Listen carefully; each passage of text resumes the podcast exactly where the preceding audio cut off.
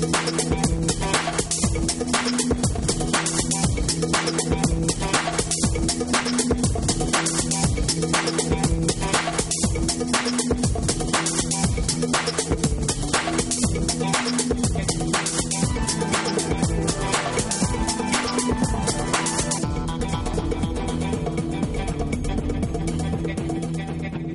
Què tal? Molt bona tarda, benvinguts a l'Ebre el dia, una nova edició d'aquest eh, debat que aquí, al canal Terres de l'Ebre, intenta apropar-nos a la realitat de les nostres terres. En aquesta ocasió, des de l'òptica d'aquestes eleccions municipals que estan al caure el proper dia 26 del mes eh, de maig, eleccions municipals i europees, per cert, que de vegades eh, se'ns oblida.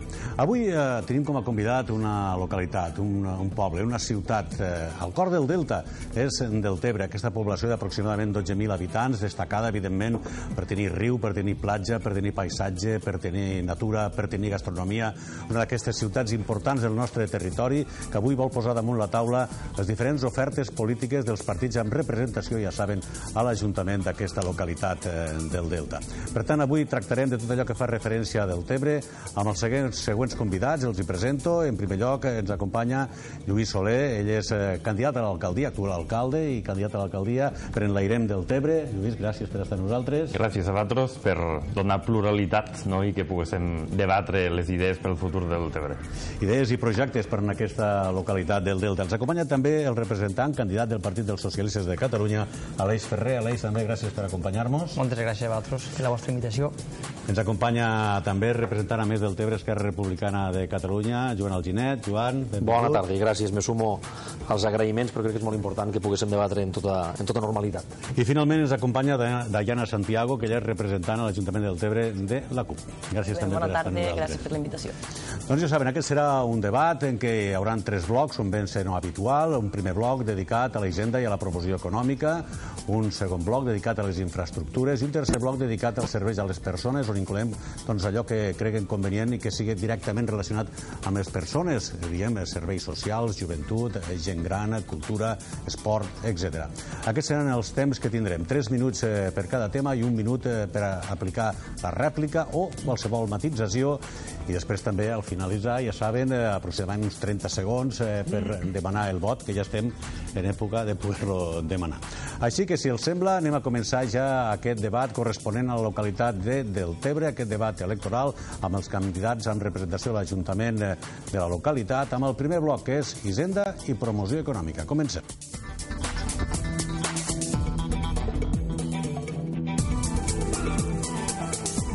I comencem amb Dayana Santiago, representant de la CUP. Quins serien aquests tres minuts que vostè doncs, aplicaria en aquesta primera pregunta o tema, que és eh, Hisenda i promoció econòmica? Bé, nosaltres des de la CUP, des d'un principi ja eh, defensem que l'Ajuntament ha d'estar a disposició de tota la gent del poble, és a dir, és l'eina en què la gent del poble ha de poder utilitzar per totes aquelles polítiques que els puguen millorar la vida i el dia a dia. Per això defensem que sigui un Ajuntament totalment transparent en tots aquells temes que puguen involucrar i que la gent del poble pugui ser partícip.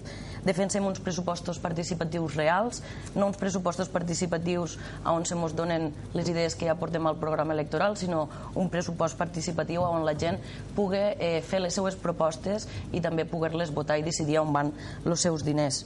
Eh, una de les coses que portem és valorar l'externalització de la recaptació a base. És una de les coses que estos quatre anys ja hem anat dient. Eh, crec que són quasi 300.000 euros que gastem a l'any pagant-li a base per tal que ens faci aquesta recaptació i com a mínim pensem que s'hauria de valorar eh, com seria que ho, ho poguéssim fer la mateixa recaptació des de l'Ajuntament. I dos coses essencials que és reduir, òbviament, el deute i no fer crèdits ni endeutar-nos en ningú.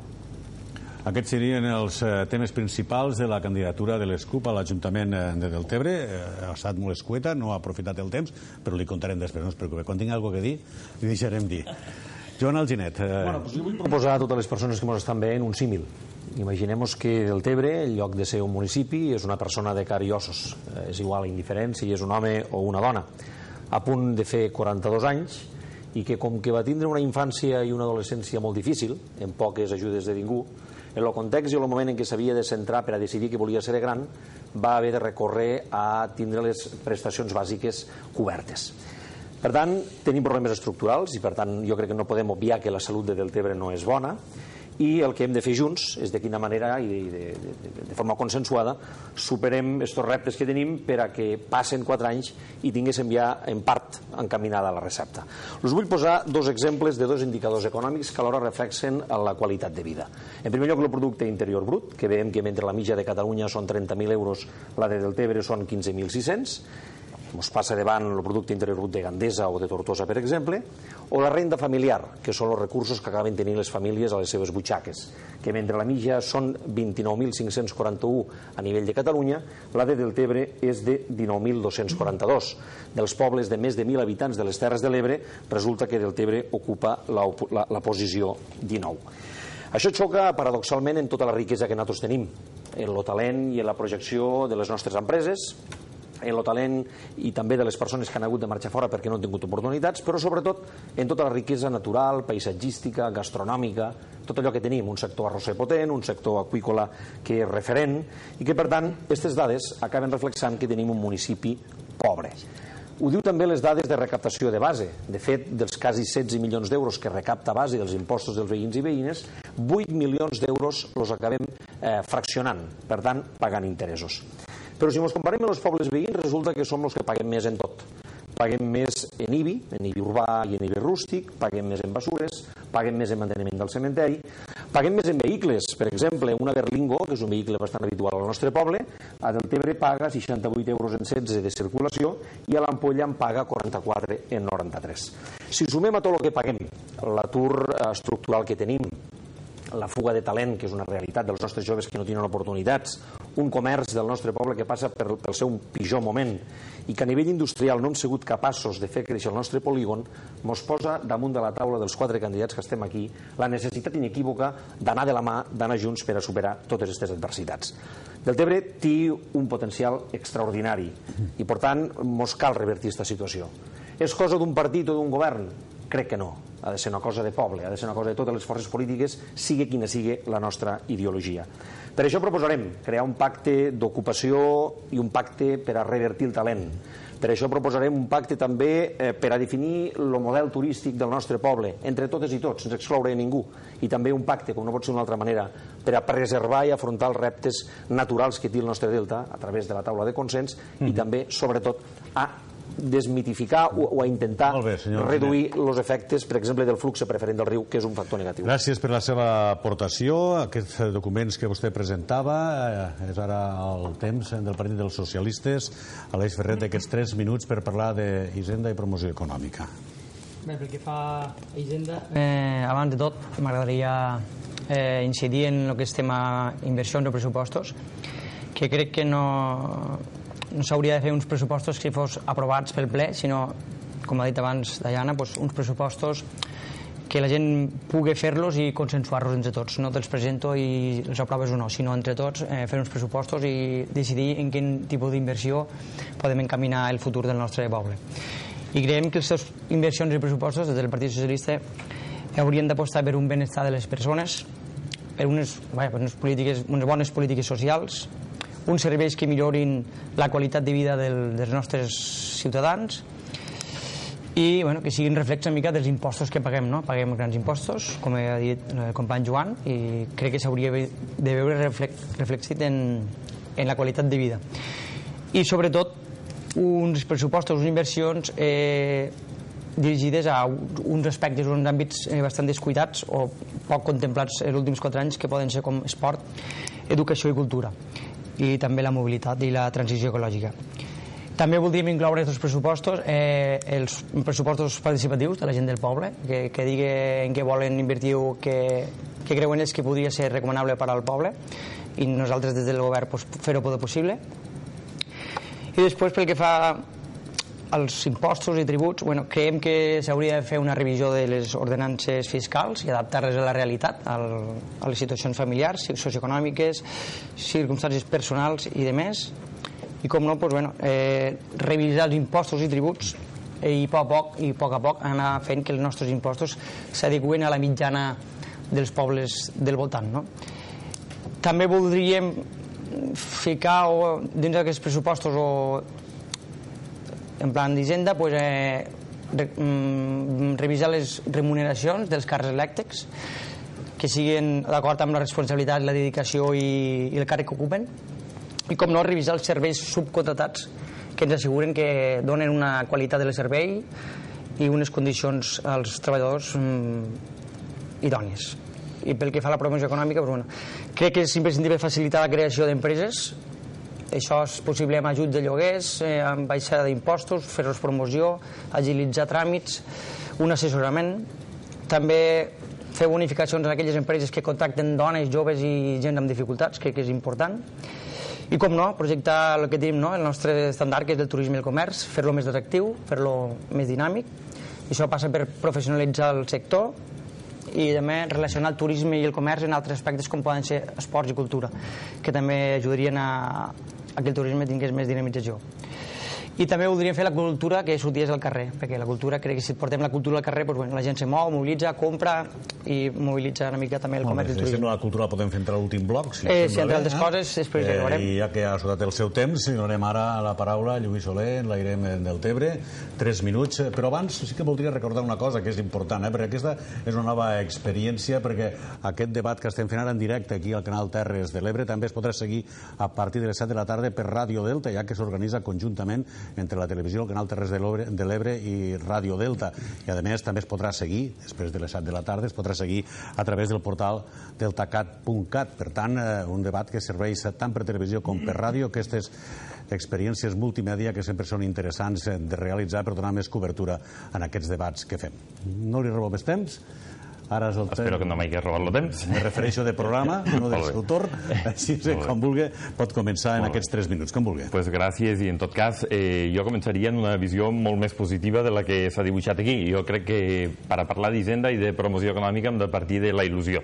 De la il·lusió que han portat durant aquests quatre anys, i jo vull donar gràcies pues, a tots els regidors i regidores que m'han acompanyat al govern municipal, però també als regidors i regidores que han estat a la corporació, perquè al final eh, haver pogut governar pràcticament tot el mandat eh, sense una estabilitat clara de govern eh, i en pactes i en acords, eh, en pactes i en acords puntuals ha permès, no obstant, que poguéssim avançar en tots els temes d'Hisenda per a sostovar del Tebre, que era un dels eslògans que fa quatre anys teníem de cara a les properes eleccions municipals. Avui mos podem, mos podem sentir satisfets, jo crec, del Tebre eh, i evitar aquestes receptes fatídiques. No necessitem cap recepta per al futur, perquè l'únic que necessitem és continuar el camí que hem engegat en l'Iran del Tebre i sostovant del Tebre. En aquest cas, han partit d'una premissa de fa quatre anys d'una rebaixa de l'endeutament d'un 85,4% a una ràtio d'endeutament que arribarem al mínim històric d'un 35,5% al mes de juny del, 2000, del 2019, en aquest cas. En aquest cas també l'últim préstec eh, concertat, que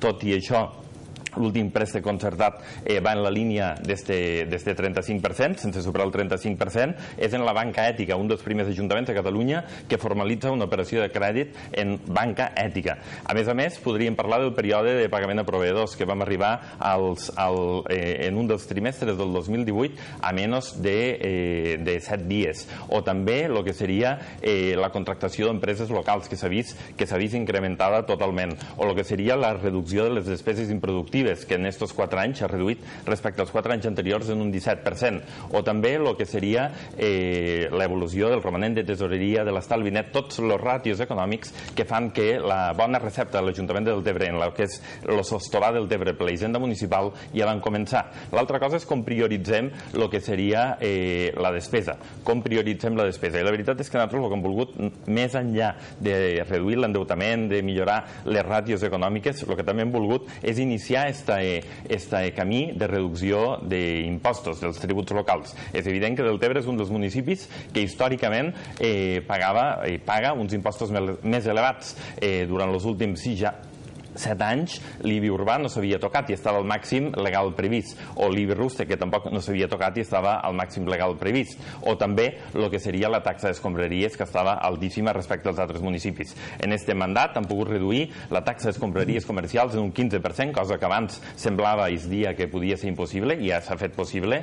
En este cas s'ha pogut eh, reduir la taxa eh, d'escombraries a les cases, a totes les cases, en 15 euros per família, o s'ha pogut reduir eh, eh, fins a un 2,84% l'IBI urbà o en un 1, eh, i, eh, perdó, un 2,84% l'IBI rústec o en un 1, eh, per, un 1,5% l'IBI urbà. En qualsevol cas, una millora de la hisenda municipal que ha d'anar acompanyada en una projecció que mai passat de temps ja. Sí, però i, i que costa que no n'hi ha robat cap. Molt bé. Eh? Eh, tenim ara un minutet eh, per després afegir coses, o en tot cas eh, per contestar algunes de les afirmacions o eh, opinions que s'han ficat en aquesta taula. Diana. Utilitzaré el meu temps per fer totes aquelles propostes que portem, bueno, una part de propostes que portem a promoció econòmica, que abans he parlat d'Hisenda, com, que, com és descentralitzar del Tebre, pensem que no pot ser que del Tebre i Riumar en este cas eh, siguin un espai eh, estacionalitzat, pensem que s'ha de poder desestacionalitzar, ja que a l'hivern també hi ha moltes coses a fer,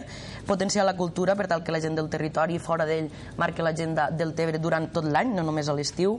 Volem crear rutes dins del, del municipi Volem aconseguir rehabilitar la Càmera Rossera per fer un espai de punt turístic en un dinamitzador turístic, BDP d'empreses i coworking i oferir formació qualificada en obres, agricultura, turisme, cuina, que és el que hi ha més a, al nostre municipi. No? En això lluitarem contra l'abandonament escolar i també es farà que surtiguen persones qualificades del nostre entorn. En tot això també aplicarem eh, fomentar tots aquells esports minoritaris com pot ser el windsurf o el kitesurf, que això fa que vingui turisme i gent de fora en, en períodes de que hi ha menys gent. No?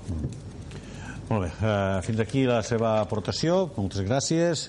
Senyor Alginet, el que s'ha dit d'aquí damunt la taula, alguna cosa que aportar? Bueno, crec que tots coincidim de quin ha de ser el motor econòmic de Deltebre. El sector primari, el turisme sostenible que també englobaria la part comercial i sobretot el eh, paper que han de jugar tant la indústria com les empreses, eh, les empreses de casa, eh, les més importants i a les quals hem de tenir un esforç encara major per a, per a cuidar-les i per a tractar-les com mereixen. El sector primari, a part de, de, de l'esforç que s'ha fet eh, en el manteniment dels camins rurals, possiblement ho hem de fer millor i hem de ser capaços de que els nostres camins rurals estiguin millor del que estan. Però sobretot hem de ser capaços de revertir aquesta situació. Un pagès a Deltebre que té quatre jornals de terra paga d'IBI rústic 62 euros un pagès a Sant Jaume d'Enveja en quatre jornals de terra ne paga 29 en 91. Són d'aquelles coses que entre tots hem de ser capaços de vertebrar i de millorar per a que els nostres pagesos, que ja tenen les dificultats pròpies del sector, no acaben pagant tant. El turisme sostenible i el comerç, i, i ja ho deia, el turisme ha de ser una política transversal al nostre Ajuntament. Per què? En dos, eh, jo crec que en dos grans focos. En primer lloc, Riumar, com a nucli eh, turístic per excel·lència, i en segon lloc, en Bombita, que té un gran, una gran projecció i un gran potencial que ha de fer compatible l'activitat turística, però sobretot el manteniment de les costums, tradicions i arts de caça i de pesca que ha representat durant anys la Societat de Caçadors Sant Miquel de la Camp. Moltes gràcies, senyor Alginet. Eh... Aleix Ferrer, socialistes, alguna cosa que afegir, alguna cosa que replicar? Sí, continuaríem. Ha quedat clar que els impostos i això s'han de rebaixar, això ho tenim tots clar, però que interessa, continuarem la promoció econòmica. Eh, com dia abans, eh, cal portar el turisme, com deia el Ginet, el Rio Mar és important per al turisme, però creiem que també s'ha de portar el turisme, que el turisme vingui al poble, no solament a comprar al supermercat, sinó que faci poble, que entre els comerços, i per tant apostem per una cultura que mobilitzi aquest sector, inclús la gent del poble, i fer una bona promoció, com no, del, de la marca Delta, Delta de l'Ebre i el turisme familiar. I, com deia també el company Joan, doncs, hem de garantir la pervivència, de, la pervivència del sector primari. Eh, creiem que l'activitat marítima en un futur pot generar molts llocs de treball i d'aquí és molt important doncs, bueno, que tant la Generalitat com l'Estat eh, apostin per o inverteixin en la regressió del delta perquè creiem que l'activitat marítima ha de ser un dels claus fonamentals a la nostra economia. I Bombita, com no, també. És un punt important, creiem que és un espai d'explotació turística que pot crear també llocs de treball i per tant també demanarem al govern d'Espanya pues, una inversió i també, per últim, pues, bueno, eh, donar oportunitats de treball, igualtat d'oportunitats al treball en, en obres i serveis públics, eh, que totes les empreses locals tinguin les mateixes oportunitats de, de treballar per l'Ajuntament en obres públiques. Molt bé, moltes gràcies. Eh, per acabar el seu torn... També hem parlat una mica d'impostos i sent el primer govern que clarament després de 11 anys eh, baixa el que és l'IBI urbà i l'IBI rústic, també hem d'enfocar-nos a el que serien les ajudes en aquells comerços que ho necessiten. I també hem sigut el primer govern que més enllà de les paraules han anat als fets. I els fets, evidentment, evidents, en aquest cas creant una línia d'incentius a la dinamització econòmica per ajudar eh, moltíssimes empreses que patien el greuge del petit comerç, del comerç de proximitat, però que també anaven definides, aquestes ajudes que van definides des dels últims tres anys a lo que seria la promoció de les activitats econòmiques que, eh, del sector primari i del sector, en aquest cas, de l'enfocament turístic. Això pel que seria a lo que és la suport a les empreses. Nosaltres eh, presentem un programa de govern on el que seria el suport a l'empresa, la petita empresa, és eh, bàsic, tot el que és el tema de l'emprenedoria, també per a joves emprenedors i per a emprenedors sèniors. I en qualsevol cas, en l'àmbit de la promoció econòmica entenem que és importantíssim eh, tirar endavant el que és el sol industrial.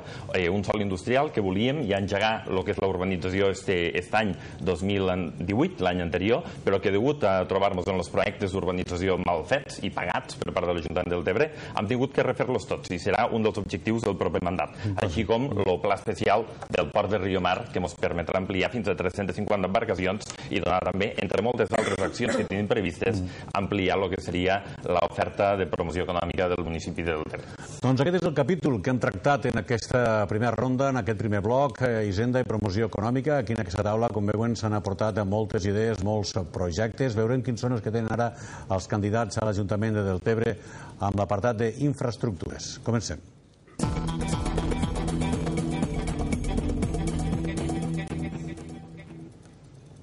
Abans de començar aquest bloc, els vull recordar novament que aquest és, aquest és un debat eh, que està organitzat, realitzat i produït conjuntament pel canal Terres de l'Ebre i Ràdio Delta.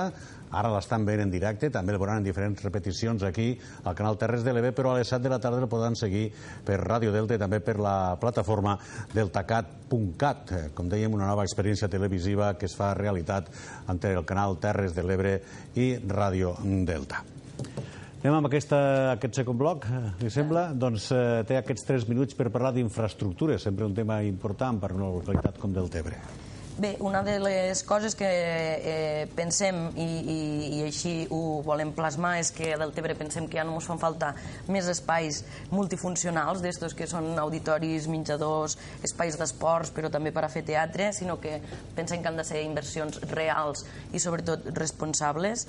Volem que tingui ja Deltebre una sala d'exposicions en condicions simplement per a exposicions, en aquest cas, que ara per ara ho tenim itinerant, eh, volem, una del, un dels puntals forts del programa eh, de la CUP eh, del Tebre és la creació d'un espai jove eh, per a la nostra jovent del, del nostre poble. Pensem que és un col·lectiu que està molt oblidat i que hem de poder eh, treballar per ells i per elles, ja que és el futur del nostre poble. Un espai jove on hi hagi un agent de salut per parlar temes tan delicats com drogues, sexualitat, eh, un espai també lúdic, on tinguin, tinguin ordenadors, eh, tinguin el seu espai de joc i que també faci la funció de casal. No? Eh, fa molts anys ja que no tenim casal al nostre poble i, i, i realment se nota en la joventut que, que teníem aquella casal i la joventut que avui en dia no la tenen. La càmera arrossera, aconseguir-la per a fer eh, l'espai de dinamització turística en dinamitzador eh, turístic, viver d'empreses i coworking, com ja he comentat. Volem eh, decorar fer, realitzar una façana de poble de Deltebre que sigui característica, només veure la imatge sapiguéssim que sigui Deltebre, fer de punta a punta de, del nostre municipi estos 8 quilòmetres que tenim a la part del canal en l'arbre de l'amor que es diu que és un arbre lila en, en homenatge a totes aquelles dones lluitadores del nostre municipi. Volem instal·lar dos pistes esportives al nostre municipi. Eh, abans els xiquets i xiquetes del nostre poble jugaven a les places i als carrers a futbol o, o qualsevol mm. esport i avui en dia està prohibit, és a dir, tu vas a la plaça de Barrocot, per exemple, hi ha un senyal que et prohibeix jugar a pilota en aquella plaça, no? Volem ficar aquestes dues eh, instal·lacions esportives per tal de que els xiquets i xiquetes puguen utilitzar-les, ja que els camps de futbol no poden utilitzar-ho a diari. Volem ampliar l'escatepark de la, de la plaça Coliseu, en este cas, construir un rocòdrom, hi ha molta gent que practica este esport i que des de l'institut també se potència eh, l'esport de, de l'escalada i que no tenim un lloc on poder-ho eh, potenciar. Eh, volem, això sí, una sala polivalent a Rio Mar. Hi ha entitats a Rio Mar que no es poden reunir. Sí que tenim el Consell de Rio Mar que també es queda petit i que es puguen fer actes. Eh, volem fer la connexió de transport eh, ben feta des de Rio Mar a Deltebre i des dels dos nuclis a les estacions de trens més properes, l'Aldea i l'Ampolla.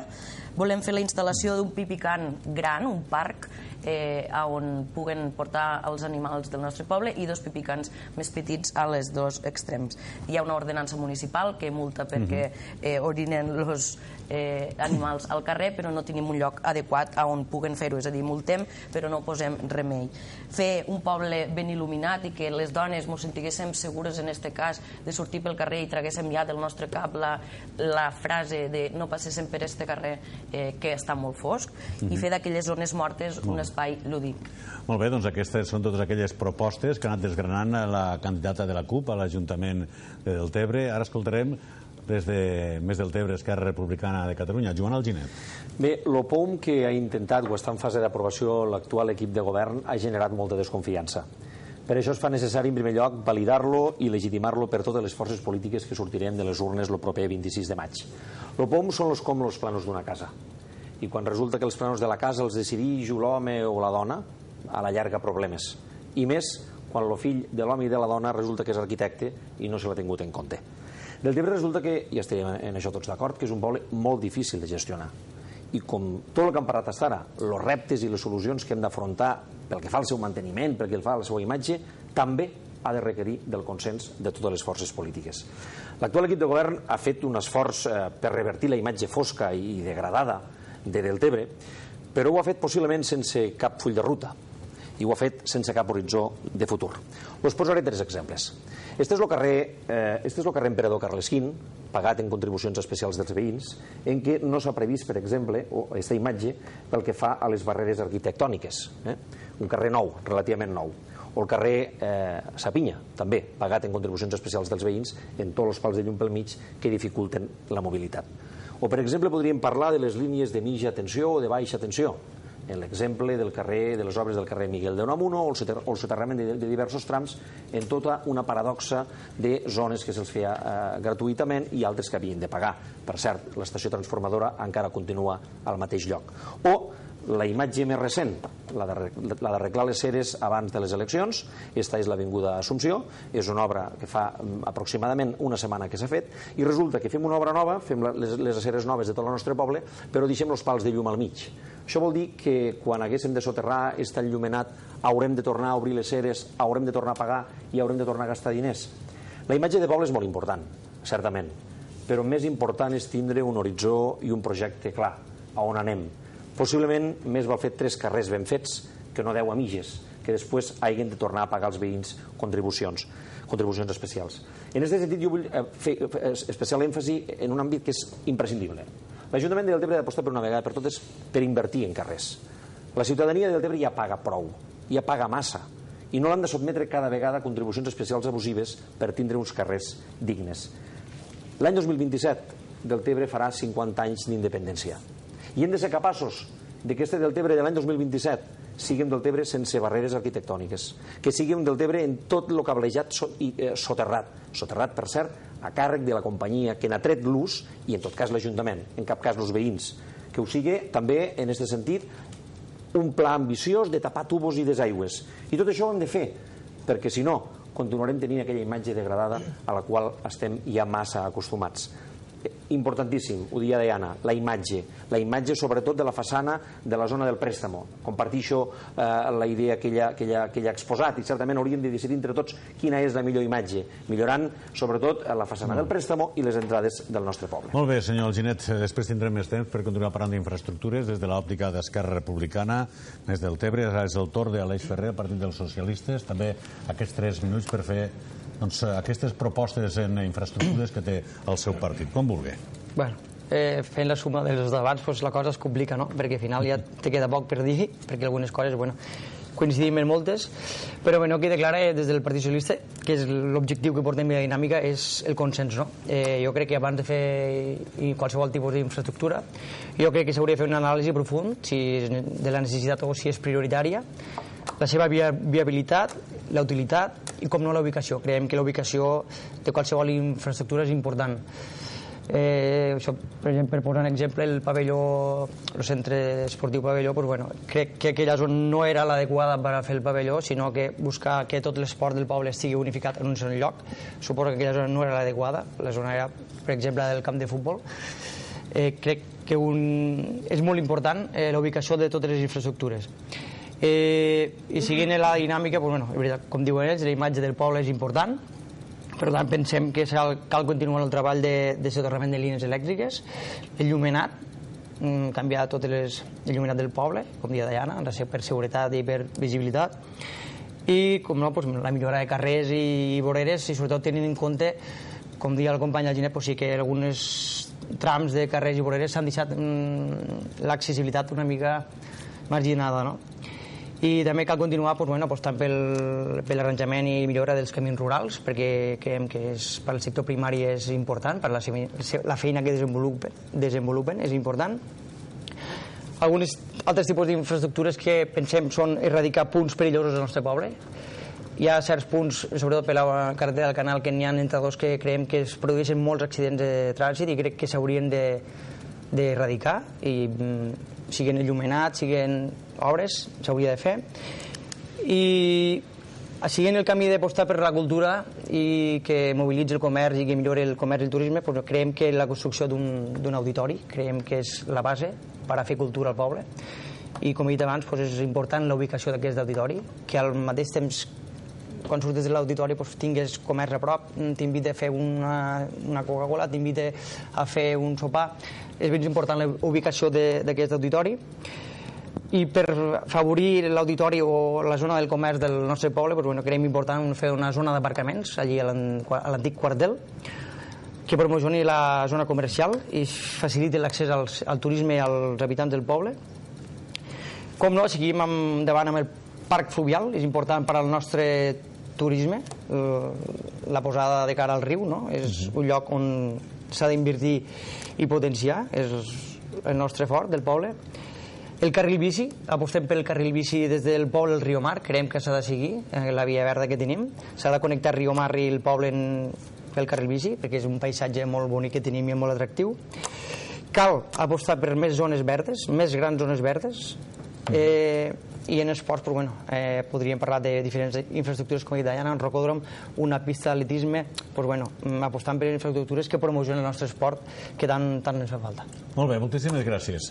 Eh, és el temps ara de Lluís Soler, de l'Airem del Tebre. Ha vist quantes propostes hi han damunt la taula? Veurem a veure. Bé, una mica la, la, jo crec que al final els fets marquen les evidències, més enllà de les pròpies paraules. I aquí el que veiem és que la inversió de l'actual mandat eh, municipal, de l'actual mandat que estem finalitzant, és un 57% més elevat que, eh, que la inversió del passat mandat. És molt bonic dir que ho farem tot, i això ho podem dir tots. Eh, jo sempre dic que nosaltres hem fet un programa electoral, hem fet un programa de govern per a intentar complir al màxim. El programa electoral, les paraules són molt sofrides i en aquest cas pot ficar el que és oportú. Però en qualsevol cas, en 3.995 pals de llum, en, en este cas en 85 quilòmetres de carrers, en 180 quilòmetres de camins rurals o en 53 quilòmetres de desaigües oberts, és eh, pràcticament inviable que pugues fer tot el que dius en una campanya electoral. Per tant, hem de ser molt pràctics i molt realistes. Nosaltres, durant aquests quatre anys, hem reduït al màxim eh, el que és, hem descongestionat al màxim el que és la hisenda municipal. I això ens ha permès eh, tenir una capacitat d'inversió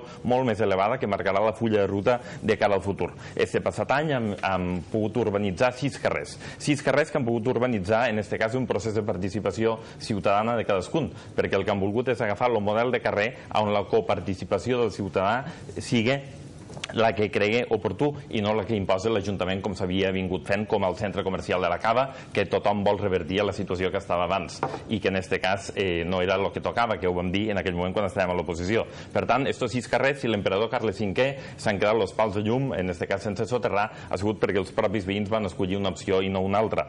O, en qualsevol cas, el fet de passar a l'acció en moltíssimes coses, com per exemple crear lo, la trama d'infraestructures o d'equipaments que permetin en qualsevol cas donar cobertura a la cohesió social que parlem al proper bloc. En aquest cas un centre esportiu que hem reobert després que es tanqués eh, fa 4 anys i mig, un centre fluvial que hem aprofitat d'uns baixos un pont que estava en, en desús per fer funcions eh, d'auditori i de sala polivalent o també en aquest cas un centre cultural que s'acabarà realitzant del tot en la sala d'exposicions que fa 15 dies ja vam rebre la subvenció ja tenim resolta la subvenció per a poder engegar este proper estiu. Tenim el projecte executiu. Avui per avui del Tebre, més enllà de la, de la política de fets consumats, de lo que hem anat fent durant aquests quatre anys, també té una visió i un camí clar. Eh, no necessitem receptes, necessitem pràctica. No és un tema de, no és un tema de, de, de decidir gaires coses, perquè la ciutadania ja també decideix, perquè la fem decidir en els molts processos de participació que hem anat fent durant aquest mandat. Per tant, avui per avui tenim 55 projectes en cartera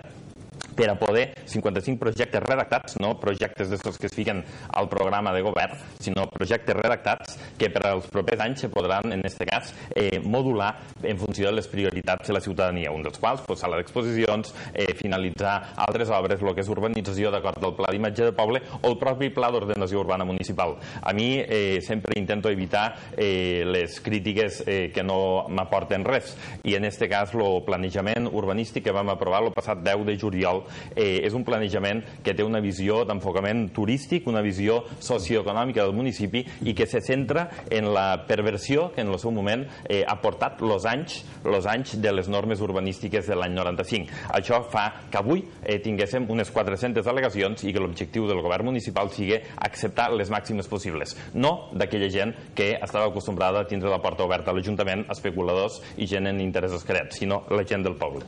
Molt bé, moltes gràcies per la seva intervenció. Arriba el moment ara de, als minuts per afegir alguna proposta o doncs, eh, matisar alguna de les respostes que s'han donat aquí o fer alguna rèplica. Diana. Bé, eh, algunes de les propostes que volia ressaltar també eren que bueno, iniciarem o portem eh, al programa, no? és el que voldríem i la intenció que tenim si entrem a, a govern és iniciar els passos per construir una gossera municipal. Sabem que Deltebre té un, un contracte en lo Corralet, una empresa que està a la comunitat valenciana que té una normativa totalment diferent a la normativa que tenim aquí a Catalunya i que una de les coses que farem només entrar serà eh, la revisió d'aquest conveni que tenim en aquesta empresa que sabem que pot acabar eh, matant els nostres animals. I adequar sobretot un espai de 48 hores allí al costat de la policia municipal entre l'Ajuntament i la policia municipal per la recollida de tots aquells animals perduts que es troben i tenir aquest espai de 48 hores adequat per tal de mantindre'ls allí abans de poder-los enviar al corralet i que puguen acabar desapareixent o sacrificant-se. Molt bé, moltes gràcies. Eh, Joan Alginet, eh, bueno, crec que dos qüestions, aquest tema. Dos qüestions bàsiques. La primera en referència als serveis. Eh, tenim suficient força de llum per a ser competitius? Tenim suficient fibra òptica, per exemple, per a oferir a les empreses que hem de captar per a que vinguin? O, per exemple, prou pressió d'aigua potable?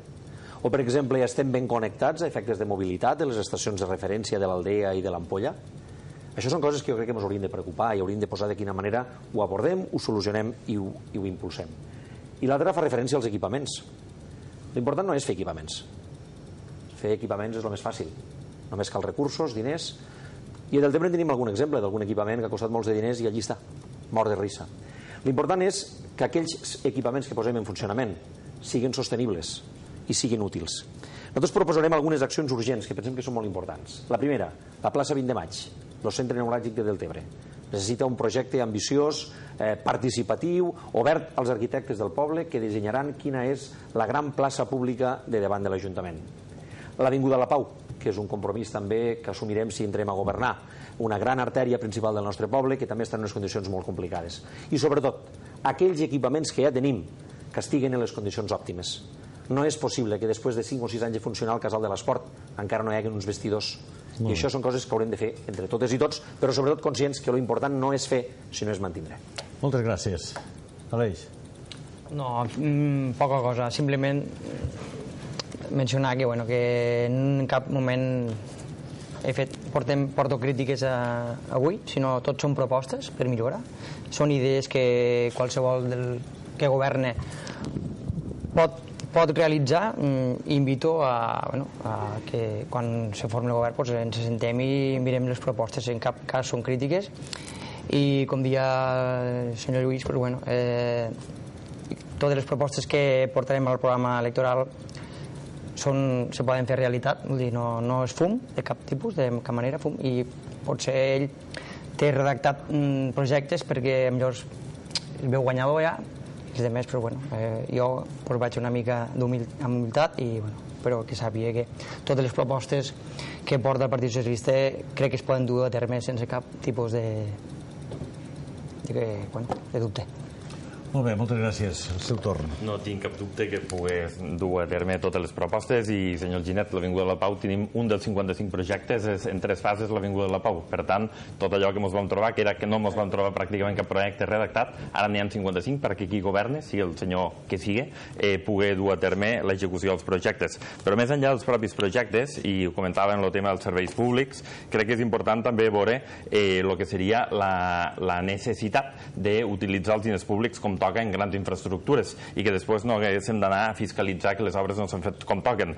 Han passat de 22 eh, licitacions obertes en els últims, eh, en els mandat anterior a un 85 a 85 licitacions obertes, el que marca eh, en el que seria la lliure concurrència a la publicitat. Nosaltres hem volgut fer tratges a mi de ningú i per tant el que han permès és que tothom en lliure concurrència en publicitat se pugui presentar a les licitacions perquè les obres públiques se facin de la millor forma possible. I a més a més, eh, parlant d'infraestructures, però també en despesa ordinària a l'Ajuntament, el que cal és explicar que el que han prioritzat dins d'aquestes licitacions obertes també ha sigut, i el que és la contractació, també ha sigut el que és l'increment de facturació a les empreses locals, buscant els mètodes perquè les pròpies empreses locals puguen tindre més eh, possibilitats. Per tant, estos 55 projectes que presentem, en aquest cas que, que hem deixat, eh, que hem deixat eh, preparats a l'Ajuntament del Tebre per a qui governa en funció de la confiança de la ciutadania pugui tirar endavant, van tots en la línia d'una administració administració més austera on el diner públic se fica en valor i on els serveis públics no es pensiguen eh, que es poden fer un ús ineficient com ens havíem trobat durant molt temps i que per això tenim les derivades que tenim en pressió d'aigua o en tantes altres coses. Molt bé, moltes gràcies. Aquest és el bloc d'infraestructures i vam vist totes les propostes que han posat damunt la taula aquests partits que opten a l'alcaldia de l'Ajuntament de Deltebre. Anem ja amb el tercer bloc, el darrer dedicat a allò que doncs, afecta directament a l'individu, als serveis a les persones. Així que comencem aquest tercer bloc.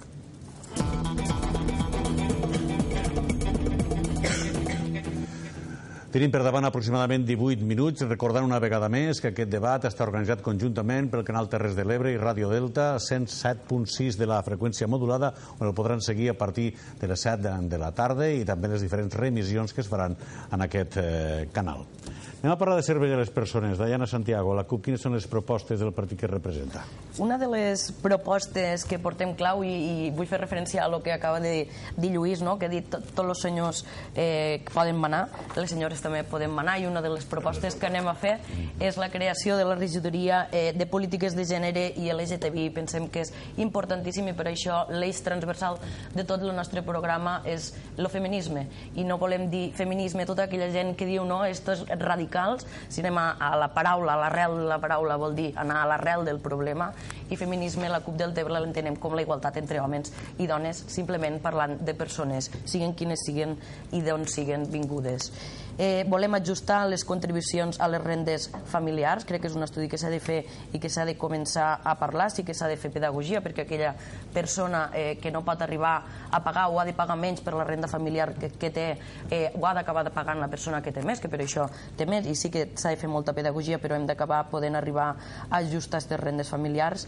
Eh, municipalitzar els serveis bàsics eh, pensem que és importantíssim per ajustar els preus. Eh, el que és el tema de, de l'aigua en Soria en aquest cas, les escoles bresols el cementeri, eh, estes quatre anys sí que s'han estat privatitzant molt de serveis i pensem que l'única manera de poder eh, eh, aportar i reajustar i tenir unes bones qualitats eh, i condicions laborals és que els, eh, els serveis bàsics siguin municipalitzats en aquest cas. Les per exemple, aconseguir bonificacions per la instal·lació de les energies renovables en equipaments o cases, ampliar partides pressupostàries en l'àmbit de serveis socials. Sabem que aquests quatre anys ja s'ha estat fent, però pensem que, òbviament, tots són voluntats polítiques no? I, i, i prioritats a l'hora de voler fer un pressupost eh, municipal i quines coses i projectes vols tirar endavant, però pensem que es pot augmentar molt més en aquest àmbit.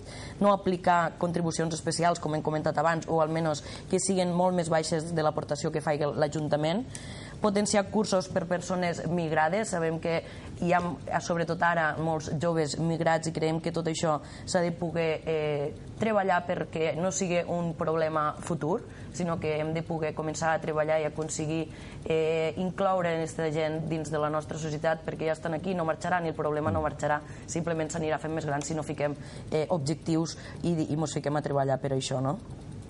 Eh, a partir de tot això anirem fent eh, eh, les nostres aportacions, continuarem, òbviament, en les bonificacions a tota aquella gent que més ho necessita. Molt bé, moltes gràcies, Diana Santiago. Joan Alginet, eh, bueno. més del Tebre, tenim aquests tres minuts per parlar de serveis de les persones. Les persones són el més important d'un poble i l'Ajuntament ha de ser el reflex directe de la gent. Tenim un Ajuntament més obert que fa quatre anys, tenim un Ajuntament més accessible, potser considerem tots que possiblement s'obren portes i barreres. Mireu, a Deltebre hi ha col·lectius vulnerables que, que hem de preservar i ho hem de fer des dels poders públics.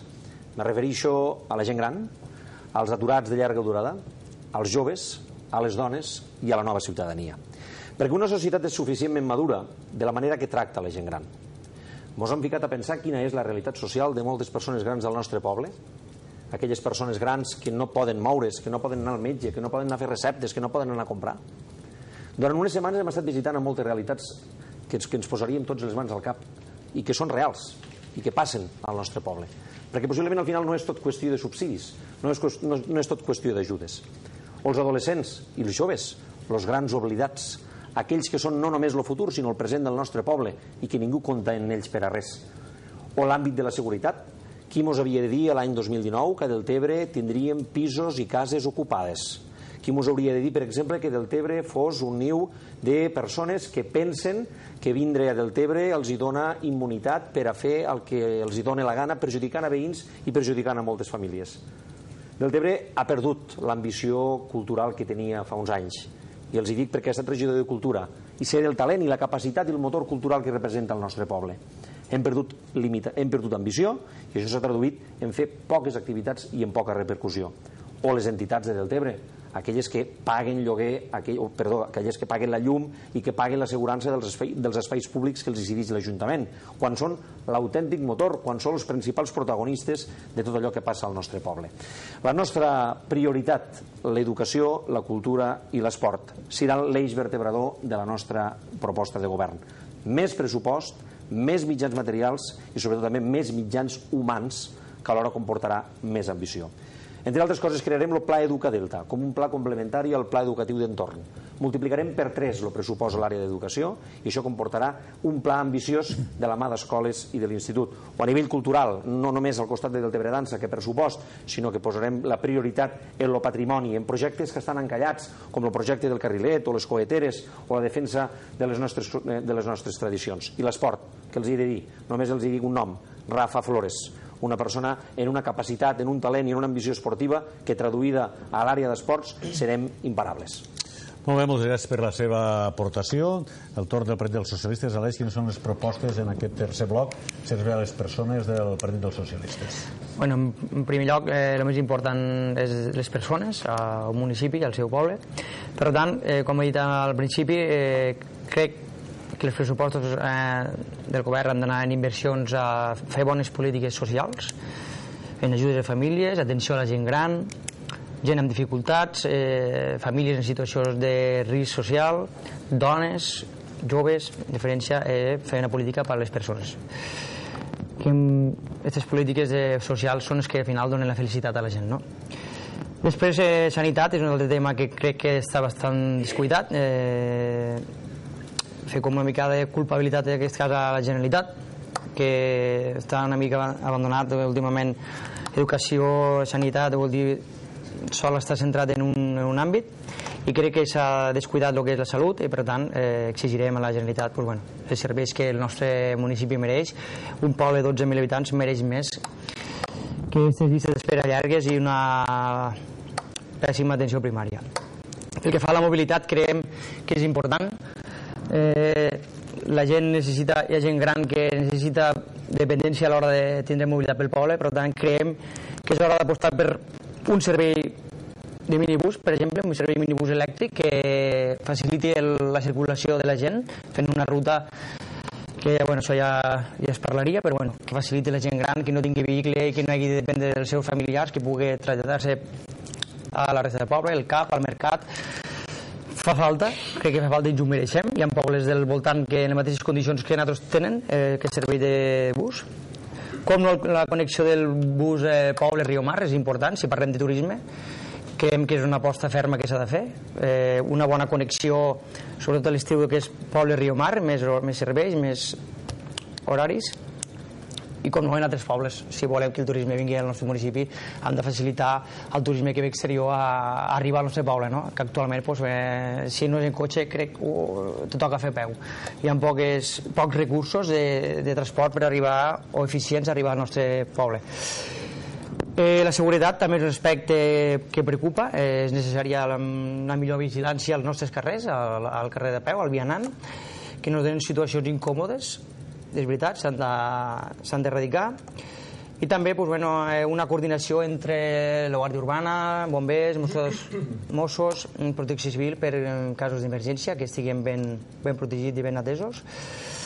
I per últim, pues, bueno, uns que és important, creiem que són els més oblidats des dels últims quatre anys, són els esports, la cultura i l'educació. Creiem que és on s'hauria d'invertir més en aquests mm -hmm. aspectes com he dit abans, la cultura pues, no és tan sols una biblioteca, la cultura tampoc no és tan sols del Tebre Dansa. Eh, la cultura s'ha de portar a, des dels petits als grans, a les escoles, a la gent del carrer, i després continuaré pues, amb l'esport. Moltes gràcies. A veure si tenim temps, perquè anem molt justets de temps. Eh, senyor Soler, Pues la veritat és que en aquest eslògan de Sostova del Tebre, que ens vam autofixar a l'inici del mandat, eh, una de les vessants importants era la part de la hisenda municipal, com hem parlat en el primer bloc, però la part més important ha sigut l'atenció a les persones. Jo crec que l'atenció a les persones ha sigut el gran eh, desvalgut dels anys d'inici de la crisi econòmica a l'Ajuntament de Deltebre. I una mica el que deia la senyora Santiago fa un moment, és a dir, la delegació a base en plena crisi econòmica és una salvatjada és una salvatjada perquè deixava en indefensió a moltíssima gent. Quan vam entrar al govern municipal, vam eh, decididament vam eh, lo que és eh, incrementar el que és l'àmbit de les polítiques socials en un 121%. El que és l'àmbit de les polítiques socials reals, no aquells eh, programes complementaris que l'Ajuntament de Deltebre eh, col·labora i eh, coordina en el Consell Comarcal del Baix Ebre. El que estem parlant en el que són l'àmbit de les polítiques socials serien ajuts directes a la ciutadania que no pot pagar. En l'eslògan que vam dir en el seu moment, qui qui menys puga, menys paga, en tres línies d'ajuts bàsiques. Una que seria per als tributs locals, tot el que serien els tributs locals, on també entren les activitats extraescolars a entitats eh, del nostre municipi, per a poder que les entitats no s'hagin de fer càrrec de que els xiquets i les xiquetes puguen anar en igualtat de condicions sense cap problema a les pròpies entitats a fer les activitats que toquen. Però també el que seria les urgències socials, el que és urgències socials per a complementar eh, els retards en algun moment de la Generalitat a l'hora de pagar les urgències, complementar-los pel retard o per la quantia, o també el que seria la tarifa social de l'aigua, com diem abans, d'un servei d'aigua totalment deficitari. Això són polítiques socials reals. Eh, I, a més a més, ho hem fet no atenent a l'índex de renda de suficiència de Catalunya només, sinó incrementat en un 30%, per a que aquelles famílies que en la unitat familiar no puguen arribar a final de mes tinguin igualtat de condicions. No ens podem permetre que xiquets i xiquetes de la nostra població, però també les pròpies famílies, se deixen d'estar en activitats que els altres puguen fer per eh, manca de recursos. En aquest cas, els impostos, els tributs locals, no ha de ser un un problema per a ningú. I això ho hem d'anar millorant any rere any per a que aquestes polítiques socials siguin reals. Però també parlant de ciutadania hem de parlar de lo que no s'aplicava, de fer possible allò que semblava impossible, que sempre s'ha parlat però que mai s'ha fet, com tantes i tantes altres coses. Les paraules queden molt boniques però els fets són els que valen. 1.146 expedients de lo que seria bona ciutadania en només dos anys, per tot el que faria referència a solars bruts, que marquen el que és la, la, la punts no? pues de, de, desencontre veïnal, tot el que seria edificis abandonats, tot el que seria eh, animals domèstics, tot el que seria bon veïnatge. 1.146 expedients en unes ordenances de policia i govern actualitzades per a que la ciutadania, en totes les seues vessants, ja sigui del bon veïnatge, ja sigui de l'atenció social, estigui al punt de servei de l'Ajuntament del Tebre. El nostre objectiu són les persones i així ho hem fet demostrar en fets plausibles. Podem parlar de moltíssimes coses i eh, com no podem parlar de totes, emplacem a la gent pues, a que en l'airem.cat, el domini en l'airem.cat, pugui entrar i veurà les 200 accions que presentem com en l'airem del Tebre per al pròxim, per als pròxims anys. Moltíssimes gràcies. Estem molt justets de temps. Jo no sé si algú vol afegir alguna cosa, però ha de ser Ràpidament, molt breu. Eh? molt important. La mm. transparència. Uh, jo vull assumir un compromís a la ciutadania de Deltebre. Si sóc alcalde de Deltebre, la meva gestió serà auditada des del principi fins al final. Espero que els altres candidats també puguen assumir aquest compromís i sobretot que acabessin de complementar un cicle històric de voler passar comptes en el passat i decidíssim algun dia també auditar de l'any 2007 cap enrere totes aquelles accions que s'han fet al nostre Ajuntament. Moltes gràcies. Alguna paraula més? Sí? Com vulguis, Aleix? Jo voldria acabar el tema que m'he estat pendent abans, el que és eh, servei de persones, parlar d'esports, no dubto de la professionalitat del nostre amic Rafa Flores, però sempre n'hi ha un millor que tu.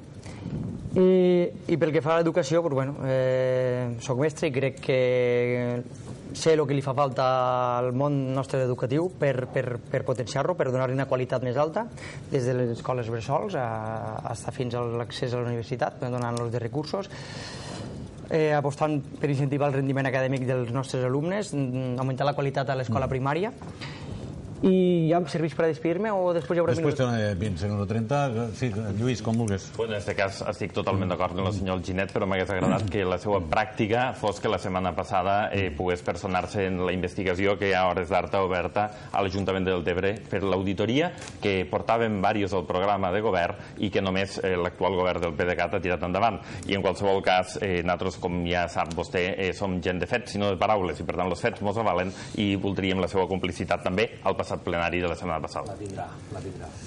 Diana, tens 20 segons per demanar el vot. Eh, bé, nosaltres demanarem el vot dient-vos que us votesseu a vosaltres mateixos. Eh, hem demostrat que durant 4 anys només en una regidora hem sigut líders en l'oposició i hem aconseguit coses com el pla de dones, el pla de joventut, eh, el protocol contra les agressions masclistes, que fa que millore la vida vostra, així que voteu-vos i votem-nos. Joan. Bueno, el projecte que represento té el suport de la Generalitat de Catalunya, de les conselleries més estratègiques i que afecten directament al present i al futur de Deltebre. Encapçala un projecte plural, transversal, divers, un projecte com que representa fidedignament la imatge del poble de Deltebre. Per tant, us demano el vot a aquells 2.300 deltebrencs i deltebrenques que fa unes setmanes vau votar el projecte d'Esquerra Republicana, el projecte d'Oriol Junqueras. Nosaltres no som només imatge. Nosaltres volem definir, de, definir d'una vegada per totes què vol ser Deltebre després de 42 anys. Moltes gràcies. Moltes gràcies, Joan Alginet. Eh, Aleix Ferrer, Partit dels Socialistes. Eh, pues bueno, demano el vot als habitants del Deltebre. Bueno, som un govern que apostarà el govern de les persones, un govern basat en els polítics, com no, i també amb el teixit associatiu, amb la veu i la participació del nostre teixit associatiu. Per tant, un govern de les persones i també un govern per a les persones. Apostant, com he dit abans, en inversions a les polítiques, bones polítiques socials i apostant per la cultura, l'educació i els esports. Això, al mateix temps, eh, que ajudi, ajudarà a promoure el turisme i el comerç que creiem que a la llarga pues, eh, crearà nous llocs de treball i eh, facilitarà la dinamització, la dinamització del nostre poble i res pel que fa a la transparència, eh, Joan Laginet, doncs no cal que dubte que la transparència crec que ni s'hauria de contemplar damunt la taula perquè es dona per, percebuda. Per acabar, en aquests quatre anys hem sigut un govern eh, que han passat de la resignació a l'acció, hem sigut un govern que han passat de la grisó a la llum, hem sigut un govern que han passat dels, de les paraules als fets. En qualsevol, govern, en qualsevol cas hem sigut un govern que hem dedicat la màxima esforç, la màxima, eh, la màxima dedicació, la màxima il·lusió en eh, transformar del Tebre, en este projecte de sostovar el principi del Tebre i d'enlairar eh, més enllà del Tebre. Sabem cap a on anem, tenim clar la fulla traçada, tenim clar el camí, ho volem fer en totes i totes en totes i tots vosaltres. Ho volem fer en la ciutadania. Per això Deltebre no té aturador, perquè en la confiança ciutadana, si a partir del 26 de maig el govern, en aquest cas actual, se revalida la confiança ciutadana, eh, el nostre projecte no té aturador. Estem al servei de les persones. Volem enlairar Deltebre a gran velocitat. Molt bé, eh, me permetran que els doni l'enhorabona perquè ha sigut un debat d'aquells constructiu, un debat en què vostès s'han dedicat a aportar idees, projectes damunt la taula, lluny d'aquelles crispacions decisions que a vegades es creen i que no aporten res de positiu a la ciutadania. Per això us vull donar l'enhorabona, perquè crec que els ciutadans ciutadanes de Deltebre, les persones que ens han escoltat, han tret molt de positiu d'aquest debat eh, dedicat a Deltebre. Moltíssimes gràcies als quatre. Lluís eh, Soler, moltes gràcies. Aleix Ferrer, també moltíssimes gràcies. Joan Alginet, gràcies també. I Diana Santiago, també moltes gràcies. Recordin, aquest ha estat un debat que ha estat organitzat conjuntament pel canal Terres de l'Ebre, també Ràdio Delta de Deltebre. El podran seguir a partir de les 7 al 107.6 de la freqüència modulada i també al portal deltacat.cat. Res més. Gràcies per haver-nos seguit. Els esperem en un proper debat aquí al canal Terres de l'Ebre. Feliç jornada.